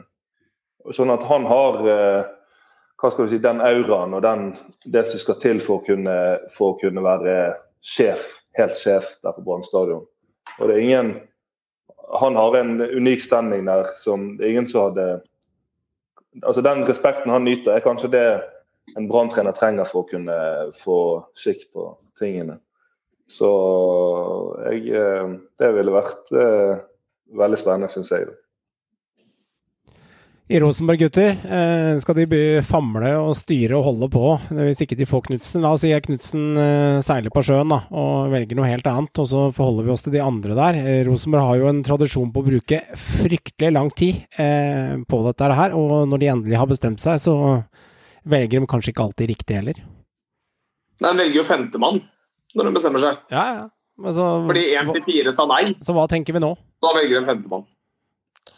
Jeg, jeg tror de henter en fra utlandet. Jeg tror ikke Knutsen kommer til å gå til, eh, til Rosenborg. Jeg tror ikke det. Jeg tror han blir i Glimt, eller så drar han til utlandet. Jeg tror det. Uh, men uh, jeg tror at de kommer til å se til svensk fotball, fordi det har jo Dorsin virkelig vist at han gjør med spillere inn. og jeg tror f.eks. den duoen i Djurgården, den linkes. Nå husker jeg faktisk ikke hva de gutta heter, men det er en duo som er så populært i vinden nå, med å være sånn likestilt trener. Så øh, jeg øh, tror kanskje at de gutta som, øh, som er i Djurgården Det har også vært snakk om Hammarby-treneren. Det er en serber. Husker ikke helt hva han heter heller. Men det linkes flere aktuelle land fra svensk fotball, da, som har, og da er de store klubbene der borte, faktisk. Det sies at de skal på en måte være med på oppløpssida nå, eh, sammen da med Kjetil Knutsen. da. Jeg tror hvis de selvfølgelig ikke får Knutsen, så for å skape den entusiasmen og det, den troen der oppe i Trondheim, så tror jeg det kunne vært spennende hvis de hadde gått Selvfølgelig, det er jo ikke det mest sånn spenstige valget, men hvis de hadde hentet tilbake en Erik Amren. Den jobben han gjorde der, det var jo eh, fantastisk. Hvis han kunne fått til si 90% av det, så hadde jo Rosenborg vært en kandidat. Jeg tror bare at eh, Igjen kommer det litt til supportere. At det, er ikke supporterne som skal styre klubben. Men eh, Erik Hamren han er vel kanskje den treneren som har oppnådd best resultater. Eh, på, I hvert fall resultatmessig, men også en av de trenerne som brukte mest penger. Eh, han brukte fryktelig mye i forhold til Janne Jønsson, som eh, ikke fikk bruke nesten noen ting når han tok over. Nå fikk han en helt annen plassering på tabellen av Janne.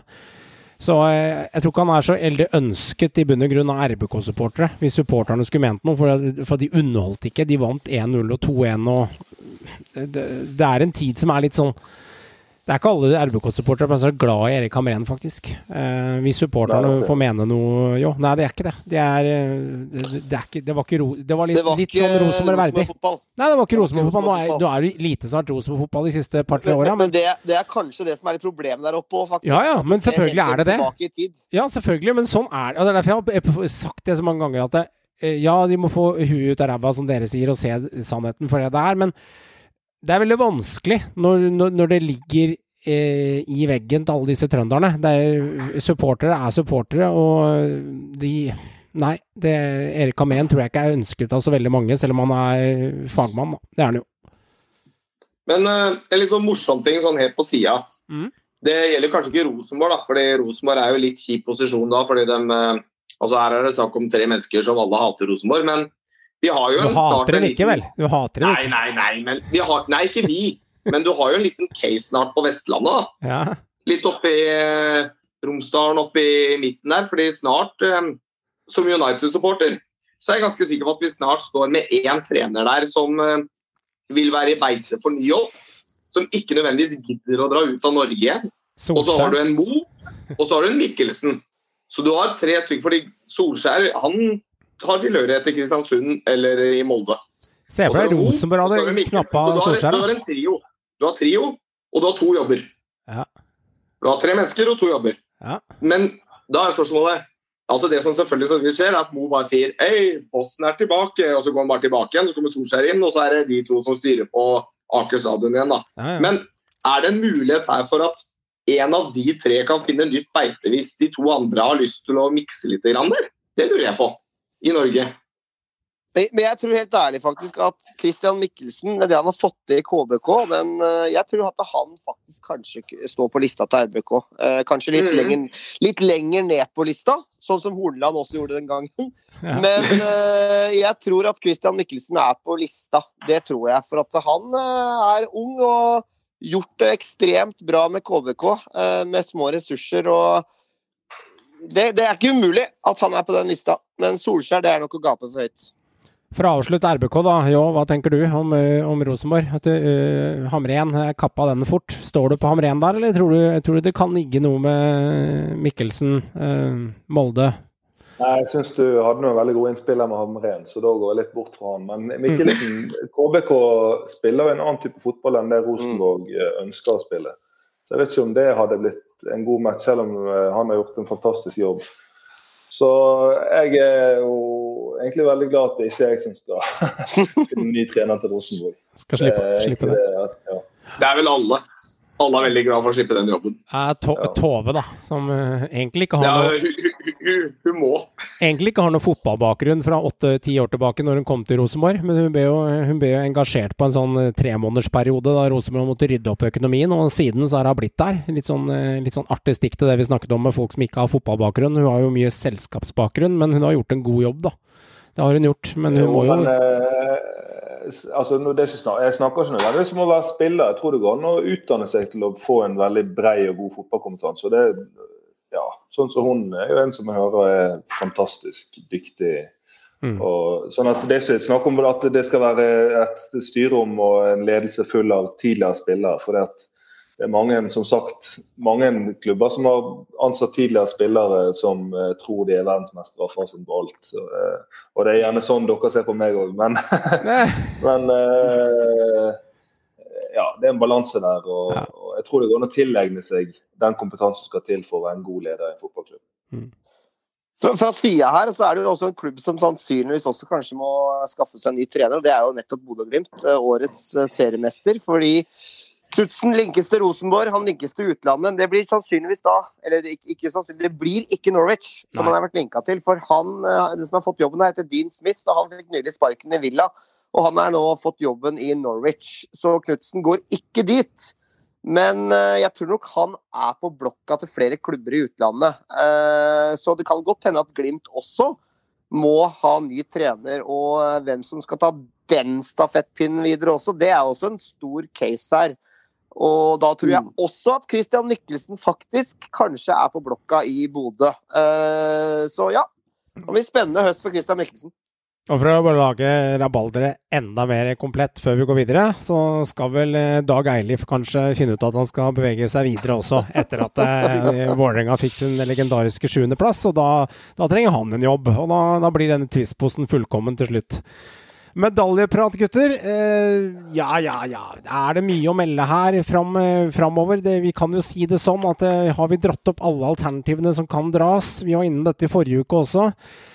Skal vi begynne å prøve? Nå er det fire runder igjen. Eh, jeg har lyst til å starte litt hos deg, jeg jo. Eh, for jeg har hørt litt med de andre i tidligere uker. Hvordan ser du denne Tripp Trapp treskoen i, i toppen der nå?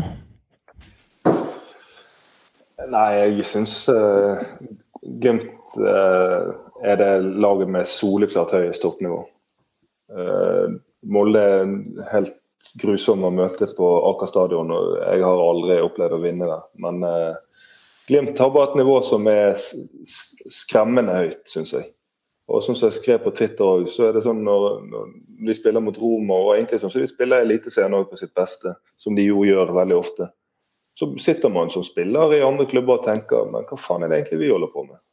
Det er, det ikke naturlig at avstanden mellom eh, de andre klubbene og Glimt skal være så stor som det han er. Sånn at det her er, må vi bare ta som tidenes spark i ræven om at vi andre må heve oss, fordi at den avstanden er for stor. rett og slett. Og så Molde på andreplass der. Og så har jeg følt så mye mer på oss at jeg vet faktisk ikke helt hvem som er i miksen for tredjeplassen. Er Viking, Rosenborg, Kristiansund, LSK. Altså, er, Viking er i førersetet, da. Men uh... Ja, men det syns jeg hadde vært en veldig fortjent eh, bronsemedalje til Viking. som jeg synes har, De fikk jo kritikk da etter den Berntsen-avgangen, og det var litt kont kontroversielt. Jeg syns de har bygget godt over tid og, og på sitt beste spiller en, eh, en veldig feine, flott fotball. Så det syns jeg hadde vært kult. mm. Dere gutter, tror du, tror du det blir en klassiker med at Rosenborg drar til seg Håvard, som de pleier å gjøre, en medalje til slutt her? Eller tror du at eh, sorry ass, det blir andre året uten medalje i år på dem? Bra. Jeg tror det. Andre året på rad? det er vel ganske tydelig. Og jeg tror ikke Rosenborg tar medalje. Jeg tror at eh, den bronsa den havner i Stavanger. Mm. Og så blir det sølv til Molde, og så blir det et ganske komfortabelt gull til Glimt igjen. Eh, og jeg tror, det sa jeg også forrige uke, og det står jeg for. Jeg tror ikke RBK klarer å rive til seg den bronsa, og det blir da nok en fiaskosesong i Trondheim. Eh, for det er det jo rett og slett når du ikke tar medalje der oppe. Ikke sant? Så øh, jeg tror bronsa går til Stavanger, og for jeg syns Viking virker øh, sharp. og de har også noen poeng å gå på nå. Ja, altså Jeg er egentlig veldig enig. Nå har vi vært gjennom dette her en gang før, hvor det ble sagt at og vi var inne på det at selvfølgelig du skal ikke legge så mye i hvem du møter på slutten av sesongen, og det er vi enig i. Men når du ser på liksom hva, hvordan sesongen skal avsluttes, da, og Viking må avgi én kamp, øh, og de andre lagene eventuelt av Rosenborg må vinne alle sine fire, så verken Viking eller Rosenborg sitt avslutning ser nevneverdig farlig ut. Altså det, det, det, ser ut som fire kamper begge to egentlig kan vinne. Uh, selv om det er kan godt si om den ene er litt annerledes enn den andre. Altså, jeg tror Viking tar det. Jeg tror de, de virker egentlig ganske komfortable og sterke. og De har virka ganske gode den siste tida med noen feilskjær her og der, men det har Rosenborg hatt òg. Det er ingenting som tilsier at Rosenborg skal vinne fire på rappen mot slutten heller, egentlig. Uh, føler jeg. Uh, så jeg, jeg, tror Viking tar den tredjeplassen. Jeg tror det ender sånn som det er. for jeg tror heller ikke Kristiansund kommer til å ta mer poeng, eller Lillestrøm tar mer poeng enn Rosenborg heller på slutten. Mm. Så jeg tror de topp fire ender akkurat som det er nå. Uh, så kjedelig skal jeg være. Nå, nå, møtes vel Molde og RBK neste runde, stemmer ikke det? Jo, det er korrekt. Jo. Og det er jo på mange måter en eh, ekstremt eh, avgjørende kamp for RBK om de skal klare å melde seg på, eh, på i medaljestriden. Og så møter en Glimt etterpå. Ja, det er være eller ikke være for RBK nå. Det kan nesten ende med femteplass, liksom. Så stusslig som det høres ut, så kan det faktisk det. Eller de kan melde seg på nok en gang, og det blir kamp helt til døra om uh, sølvet. Eh, Bronse, sølv. For Molde er faktisk bare tre poeng foran Viking, tror jeg, eh, på den uh, sølvet ned til bronsa der. Så det er sånn at de gutta i Stavanger de puster også Molde i nakken, altså. Ja. Det gjør de. Eh, jo, jeg er litt nysgjerrig på noen par ting. Eh, Mm. Spillere du eh, møter i Eliteserien, mm. som ofte vi supportere ser, eh, ser på banen, eh, er det noen spillere som ofte er, eh, som er litt motsatt av det, den inntrykket vi får kanskje via media, fra de bekjentskapene du har?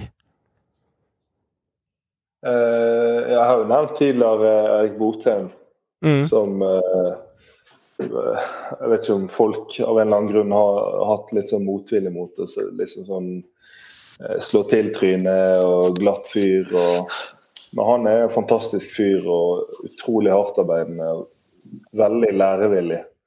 Og eh, ja, jævla morsom, ydmyk. Og, men selvfølgelig veldig selvsikker, sånn som du er nødt til å være for å kunne bli en god angrepsspiller. Mm. Så han er et eksempel på en som jeg syns har Egentlig fram til nå, når han lykkes, så har jo han kommet litt mer fram i lyset hvem han egentlig er. Men uh, det er ett eksempel. Mm. Uh, nei, alle andre. Så det skinner jo som oftest gjennom hvordan folk er. Så det er vanskelig å være helt kameleon. Uh, Resten er Ja. som de skal være. det er litt sånn. Ja, sånn umiddelbart så kommer jeg ikke på noen eh, som Men jeg husker jo, hvis jeg skal trekke fram en tidligere spiller som òg kanskje litt før jeg kom til Brann, så og jeg tror andre òg hadde inntrykk av Torstein Helstad som en litt sånn glatt type. Mm. Eh, men han òg var en helt eh, vanvittig bra fyr. Som eh, når jeg kom som ung spiller, og han som lagets store stjerne. Så likevel tok han seg tid til å gi meg råd og fikk meg til å føle meg velkommen. Og, og, så det er en, et annet eksempel som jeg kommer på som en som du kanskje ikke skal skue på hårene. Eller hva det er. Tenk om vi hadde hatt Torstein Helstad fortsatt. Oi, oi, oi. Vi, ja, skal, ja, skal, For en spiss han var! han var bra. Han var en fin type. Han er Toppskårer en gang i Eliteserien nå, han faktisk. Han er det. Har noen mål i beltet, han var. Det er ikke noe tvil om. Krog, jeg bare lurer på om vi kan skyte inn et par lyttespørsmål vi har fått. Kjør i vei, du. Vi har, eh, fikk ganske mange, egentlig. Det er noen jeg måtte luke vekk. Ehm, rett og slett fordi de, mange av disse spørsmålene kommer jo fra Stabæk-sportet. Ok. Så det er eh, Men, men det, er, det er et par, par punkter jeg, eller spørsmål jeg har tatt med, da. To som jeg syns var veldig viktige. Det ene var hvordan eh, jobbes det mellom den nye mentale treneren og spillerne? I Stabæk? I? Stabæk. Ja, ja, ja. Ja, ja. Nei, Hege har jo kommet inn eh, og eh, jobbet eh, ganske tett med oss, eh, spesielt én-til-én. Og har Mm. tilbudt et bredt spekter av det hun kan. Mentale tjenester og, og vi nå, Det hun har eh, holdt gående nå i det siste, er hver mandag så har vi sånn mindfulness-trening. Som meg og eh, ganske mange andre spillere. Da er det borte på yogasenteret på Bekkestua. Så møter vi opp der, og så øver vi på å lære oss i mindfulness. Og Det er sånn som man eh, gjerne er litt skeptisk til til å begynne med, men som har en veldig stor sånn overføringsverdi i forhold til det å finne fokus i kamp og på trening. Så Det er ett et eksempel. Og så har hun vært en som veldig mange spillere bruker sånn én-til-én eh, på utenfor Nadderud, kan du si, og via, via Teams, der de kan blåse ut og, og ha noen å spare med i løpet av det som har vært en ganske tøff sesong. Så det er vel svaret på det. Bare skyte inn kjapt der, da, Vi som har fulgt med landslaget en stund, da. vi har også et veldig ambivalent forhold til mindfulness. Litt tilbake til Høgmo-perioden der, for å si det sånn. Vi har litt sånn ambivalent forhold til det ordet, vi òg. Jeg er ikke helt sikker på om vi tør å legge så veldig mye i det, men eh, jeg er helt sikker på at det har noe for seg. Men det er bare ordet er litt sånn ja, det har Ja, det, ordet er litt sånn eh, hva, hva er egentlig mindfulness? Men det er jo det vi har fått gleden av å lære nå, da. Så, men jeg, jeg kan gå god for at det er bra, bra greier.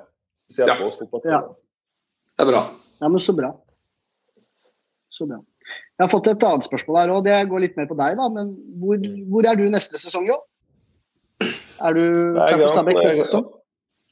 jeg har jo en kontrakt med Stabæk som går fram til sommeren. Men uh, inntil videre så har jeg en ganske alvorlig skade. Uh, en prolaps Ja. midtstilt prolaps i nakken som uh, ja, er, er jævla smertefull. Og som jeg har gått med nå i to og en halv måned, og som eh, etter alle solemerker ender med et kirurgisk inngrep som jeg må operere. Og så Når den operasjonen blir, det venter jeg fortsatt litt på å få avklaring på. For de er veldig sånn tilbakeholdne på å operere i nakken. Men eh, Ja. ja. Når, og, så det legger jo òg føring på når og hvor fort jeg er tilbake igjen. Mm. Så mitt, mitt primære fokus her og nå er bare å få gjennomført en operasjon og bli smertefri. For nå er det jo konstante smerter, egentlig. Har vært i litt for lang tid. Du får sove, eller? Eller er det sånn at du har utfordringer der òg? Jeg har utfordringer der òg, men det må bare liksom uh, finne den helt riktige stillingen omtrent ned på millimeteren. Så får jeg sove. Men uh, ja. Såpass. Er det slitasje over tid, eller var det en spesielt enkel situasjon du skjedde i? Nei, det var en enkeltsituasjon. Altså, jeg fikk ballen skutt i hodet når jeg var helt uforberedt, sånn at jeg ikke spente nakken. Okay. Og så smalt det bare noe så altså, Det er en smerte som jeg aldri har opplevd i mitt liv. Og Jeg har spilt fotball ganske lenge og operert både knær og det som skulle være et overtråkk, men det her var på et helt nytt nivå. Sånn nervesmerter og sånt. Så nei, det er ikke noe jeg Det er noe jeg håper dere slipper Og, og som jeg gleder meg ekstremt Beste julegaven jeg kan få i år, er å bli smertefri. Ja, det skjønner jeg. Det skjønner jeg veldig godt. Men, men eh, når, når kontrakta di går ut med, med Stabæk, og du, du ser for deg å spille fotball videre, eller er det litt sånn i det blå nå med tanke på den skaden? Jeg føler at det er litt i det blå nå. Det er Såpass ærlig skal jeg være. Jeg føler at det er litt i det blå. Jeg får litt, litt forskjellige anbefalinger fra forskjellige leger jeg snakker med. Så som sagt så er egentlig Man får litt perspektiv på ting når, når du får en sånn type skade som gjør at du ikke kan fungere hjemme engang. Og jeg har en ettåring som ikke har så stor forståelse for at jeg ikke kan løfte, løfte han opp og, og sånne ting. Så du får litt perspektiv sånn sett. Så inntil videre så er mitt første pri å bare bli smertefri, rett og slett. Så får jeg ta det som det kommer etter. Det skjønner jeg. Du får lykke til med opptreninga, Jo. Eh, og håper du får en god jul med kidden og skaden. At det, det, at det blir bra. Ja, ja, altså, jeg, jeg er ekspert på å holde humøret oppe, så, så sånn sett skal ikke dere bekymre dere for meg. Ja da. Det er. Det er, eh, men det er jo kjipt å høre om sånne ting, da. Da setter det litt i perspektiv. For det, det kan jo prege kanskje om du kommer til å spille fotball i 2022-2023, ikke sant, framover. Men jeg skjønner at du driver med litt andre ting også. Eh, Jeg har forstått det riktig at du tar noe, har tatt noe utdannelse innenfor dette med videre drift i klubber og sånne ting. Har jeg skjønt det riktig da? Ja, jeg har en bachelor i sport management. Eh, Men nå, nå fremstår det som at jeg har prøvd eh, spilt opp hele episoden til at jeg Så, men eh, Alle har bare nevnt steder hvor vi mangler folk, og så bare By the way, jeg har Nei, men det er jo egentlig idrettspsykologi som er min store kjepphest, og som er min lidenskap. Så det er det jeg har lyst til å jobbe med etter fotballkarrieren. Eh, og, det å kunne hjelpe spillere å nå sitt øverste potensial gjennom å ta ut alt de har i seg.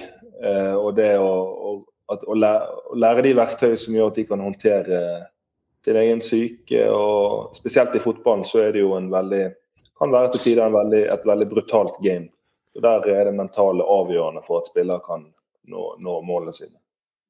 Det er jo bare å ansette deg i Brann nå, Jo. For du, ja. når du er ferdig med karrieren, så er det jo en jobb som venter på deg der. For du, du har jo den rette kompetansen i bagasjen nå, så det er jo bare å Rette dialekten. til. Bergen da, og, og, Det må jeg og si. eh, jobbe gutta opp.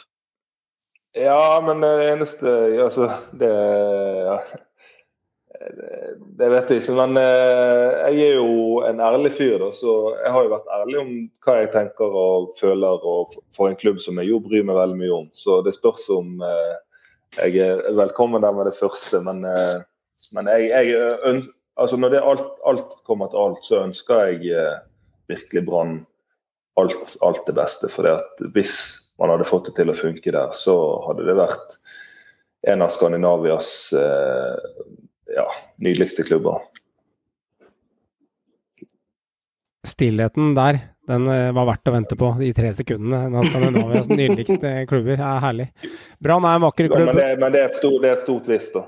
Ja, ja, det er et veldig stort vis Men uh, du får nok bruk for, uh, bruk for utdannelsen her. Vi har ikke spilt opp til slutten av episoden med en sånn uh, jobbannonse på slutten her. Det har vi ikke gjort. Det var jeg tilfeldig, det var jeg tilfeldig som bare har lest litt om det, at du har vært veldig interessert i det. Så veldig gøy. Gutter, vi har en eh, runde å spå eh, til helgen. Og denne gangen her så skal dere få deres eget lag. Uff, det er dårlig gjort, ass. Og det er en lita twist den runden her, og det vil si at uh, denne gangen her så får man, uh, for å lage litt, uh, ja, lage litt helvete i heksegryta på slutten, så er det doble poeng. Det er fordel og ulempe. Spennende. Doble poeng, så det betyr at dere får tre poeng for riktig resultat og ett poeng for eh, riktig seier her, eller uavgjort, uavhengig om resultatet er riktig eller ei. Men eh, Joakim, vi starter hos deg. Det er Godset Mjøndalen og Viking Haugesund. Um, ja, jeg tror Viking slår Haugesund. Ja. Og jeg tror Godset slår Mjøndalen. Det sier seg selv. Godset slår Mjøndalen. Ja. Og resultatet blir Uh, jeg tror Godset tar Mjøndalen eh, ja, Det er hard kamp uansett. Nei, 3-1. 3-1 hjemme. Mottatt. Elv Classico. Elv Classico. Vi må, vi må vinne den kampen nå. nå, er, nå er, nei, vi må vinne den kampen nå. Altså, det, er, det er ikke lov med noe annet. Så enkelt er det bare. Skjønner. Den, den skal inn. Ja. 3-1. Uh, Viking Haugesund. Nei, jeg tror Viking tar den, jeg. Uh, Da sier vi eh, 2-0 til Viking. 2-0 hjemme. Den er grei. Ja. Håvard, Glimt, LSK og Sandefjord Brann. Jeg tror uh, Bodø-Glimt vinner uh, 4-1. Mottatt. Og så tror jeg at Brann vinner 2-1. 1-2 borte. Ja. Yes, da kan jeg kjøre Enga-Tromsø. Enga-Tromsø. Der tror jeg det har blitt en god hvile, så jeg tipper 3-1-seier til Vålerenga hjemme.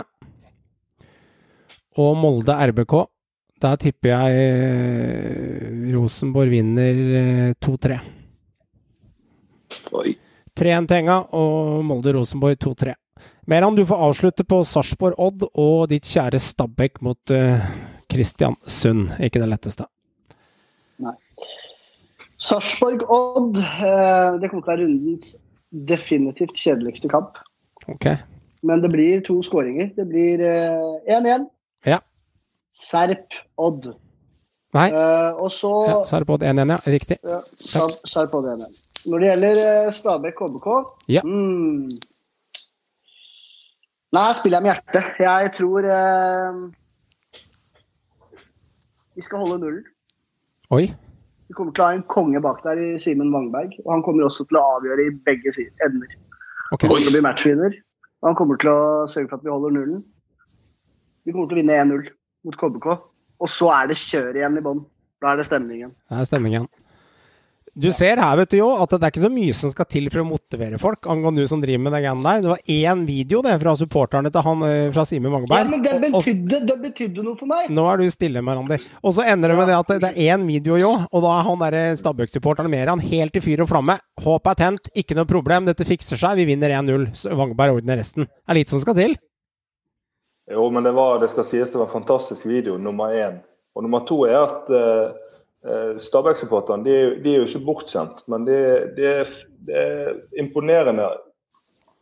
Og det er veldig motiverende for oss spillere da, at, å vite at det er ikke sånn at pga. at vi har hatt en dårlig sesong nå, så er det ingenting vi kan gjøre for å vinne hjertene deres tilbake. Mm. Altså, det er bare det at vi viser at vi gir alt, og, og, og en god kamp, så har vi de alle mann med på laget. Og sånn som nå var jeg på tribunen eh, sammen med support mot Sarpsborg borte. Mm. Og, og, og de står der, og det er ganske sånn eh, kjedelig høstvær.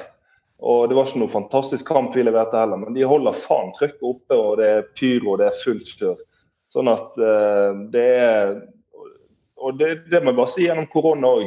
Og dette er ikke noe sånn publikumsfrieri. Som sagt, så hadde jeg ikke sagt det hvis jeg ikke hadde ment det. Mm. Gjennom korona når vi knapt kunne ha folk på stadion, og når vi da endelig kunne slippe de support inn igjen på feltet deres, så utgjør det en stor forskjell. Sånn at eh, det, Hvis den videoen gjør sånn at de eh, får litt mer energi og, og får noe motivasjon og noe ut av den, så er det ingenting som er bedre enn det.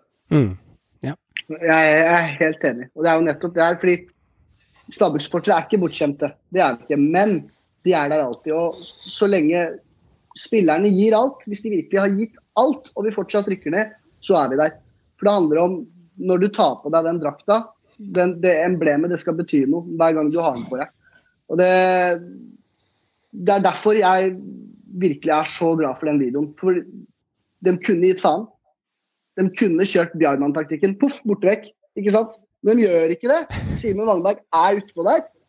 Og han viser supporterne at vet du hva, vi har fire kamper igjen, vi skal faen meg gi alt. Går vi ned, så går vi ned, men holder vi plassen, da holder vi plassen basert på at de har gitt absolutt fuckings alt. Og det er det som supporter, det er det som betyr noe for meg. Herlig. La det være siste ord. Og dere har ett magisk eh, Pokémon-kort igjen i kortstokken, Meran.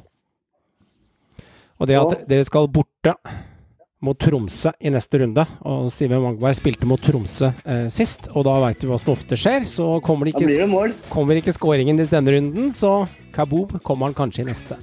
Tusen hjertelig takk, lytter, for at du lytter til Synseligaen. Spre gjerne Synseligaen til venner og kjente eller andre fotballsupportere du kjenner.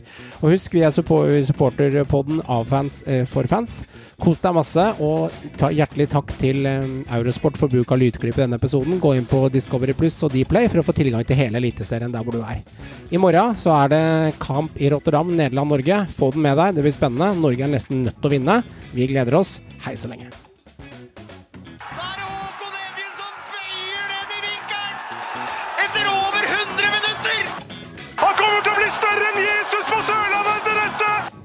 Det er faen meg Folk pisser eller folk er likegyldige. Det er det verste som skjer med en fotballklubb. Det er faen meg undergangen, det.